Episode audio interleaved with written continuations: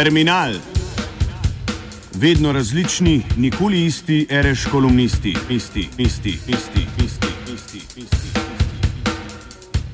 Strankarski kampanji Donalda Trumpa in Hillary Clinton postajata vse ostrejši, oba kandidata pa obljubljata vse mogoče. Od Trumpa tako lahko pričakujemo prepoved vstopa vseh muslimanov v ZDA, od Hillary pa nadaljevanje ameriških katastrofalnih intervencij po vsem svetu zaradi lažnega humanizma in odgovornosti za zaščito. Ob tem pa bi bilo prav tako potrebno oceniti še nekaj več. Namreč, kaj se zgodi z obljubami predsedniških kandidatov po njihovi izvolitvi? In kot kaže primer odhajajočega predsednika Baracka Obame, ne prav veliko. Tudi Barack Obama je pred svojim prihodom na položaj predsednika ZDA obljubljal marsikaj, izpolnil pa le malo. Iz Obaminih ust smo lahko slišali veliko spodbudnega, od obljub o končanju ameriških vojn in ukinitve taborišča na Guantanamu, vse do jedrske razorožitve, vendar so vse to ostale samo obljube. Uvedba Obama-Kera v ZDA, podpis sporazuma o iranskem jedrskem programu, otoplitev odnosov s Kubo in zaustavitev napada ZDA na Sirijo v zadnjem trenutku, to so o precejšnji odgovornosti ZDA za nekaj dodatnih vojn, od Libije do Ukrajine morda največji uspehi sedanjega ameriškega predsednika. Včasniki Rolling Stones so tako naprimer nedavno opozorili, da je samo v času mandata Baracka Obame zaradi vojn umrlo več kot 2500 ameriških vojakov. V mandatu Obame so bile ZDA uradno v vojni 2687 dni. To je več kot v času Georgea W. Busha. Ob tem je Barack Obama ukazal zračne napade na sedem držav: Afganistan, Irak, Pakistan, Somalijo, Jemen, Libijo in Sirijo. Obama je na ta način bombardiral tri države več kot George W. Bush. Ameriške sile so še danes zapletene v spopade in vojne v treh državah: Iraku, Afganistanu in Siriji, kar pomeni, da Barack Obama še vedno vodi eno vojno več od svojega predhodnika, ki ga je prav zaradi nezakonitih napadov na druge države pred svojim mandatom tako vneto kritiziral. Obama je res zmanjšal število vojakov v teh vojnah. Toda hkrati je povečal število napadov z brezpilotnimi letali, ker redno ubijajo veliko število civilnih postranskih žrtev.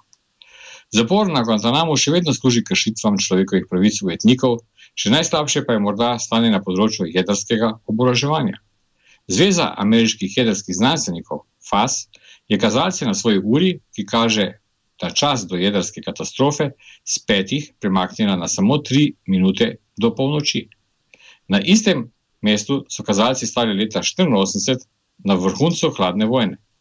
Pred nastopom mandata Baracka Obame so kazalci kazali pet minut do jedrske katastrofe.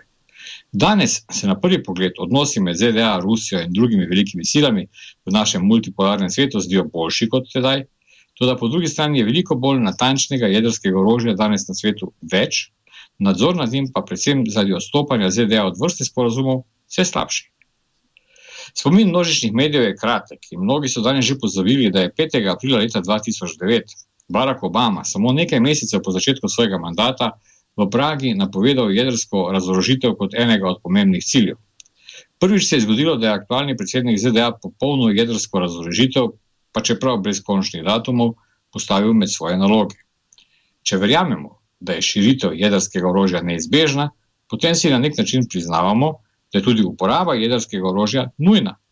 Danes pa zatrjujem jasno in s prepričanjem, da so ZDA zavezane k iskanju miru in varnosti v svetu brez jedrskega orožja. Je aprila leta 2009 dejal Barack Obama. Ob koncu Obaminega mandata, ko je obiskal Hirošimo, kjer so ZDA 6. augusta leta 1945 prvič uporabile jedrsko orožje in takoj ubile 60 tisoč ljudi, še 70 tisoč pa zaradi posledic sevanja, je ameriški predsednik jasno dejal, da je njegov obisk ni nikakršno opravičilo za ameriško dejanje in znova povdaril zavezanost ZDA, da gradijo miroljubni svet. Toda ameriška zunanja politična strategija glede jedrskega orožja se v njegovem času ni spremenila. Obama je to, kar je začel Bush, nadaljeval, hkrati pa so ZDA odstopili tudi od sporazuma o emevanju izstrelkov srednjega dosega. Danes imamo tako med ZDA in Rusijo torej dve ključni pogodbi manj kot v času hladne vojne.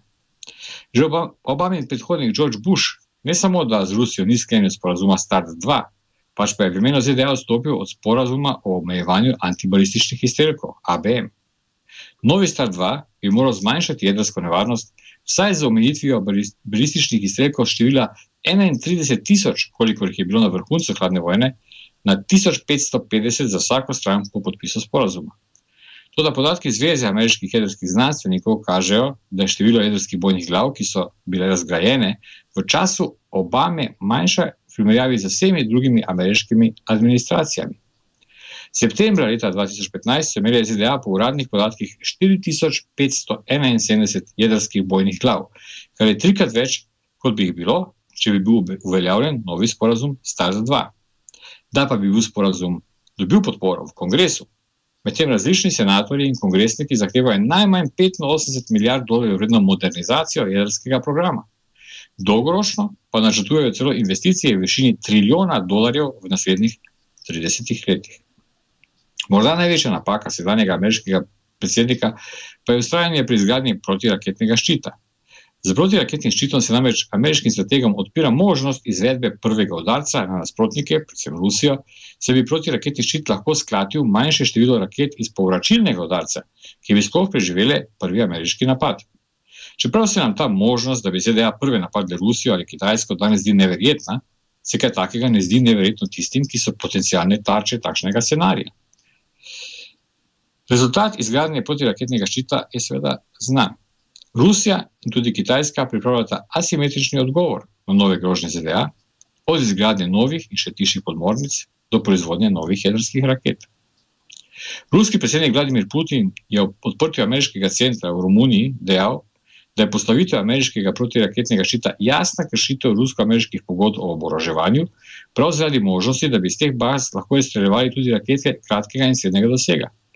Po oceni Rusije so torej prav v mandatu Baracka Obame ZDA prekršile tudi pogodbo o prepovedi razvijanja in nameščanja jedrskih raket kratkega in srednjega dosega iz leta 1987.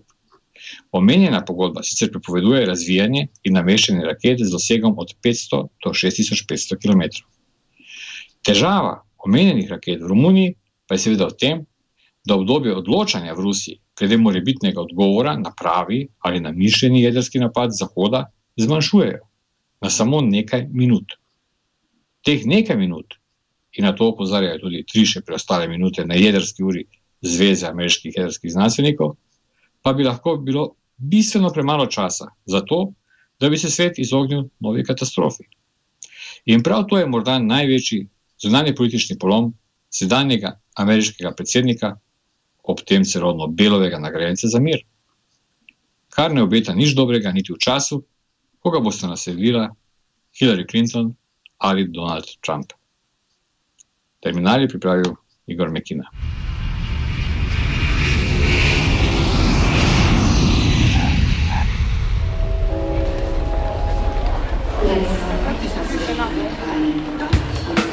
Terminal. Vedno različni, nikoli isti, reš kolumnisti, isti, isti, isti, isti.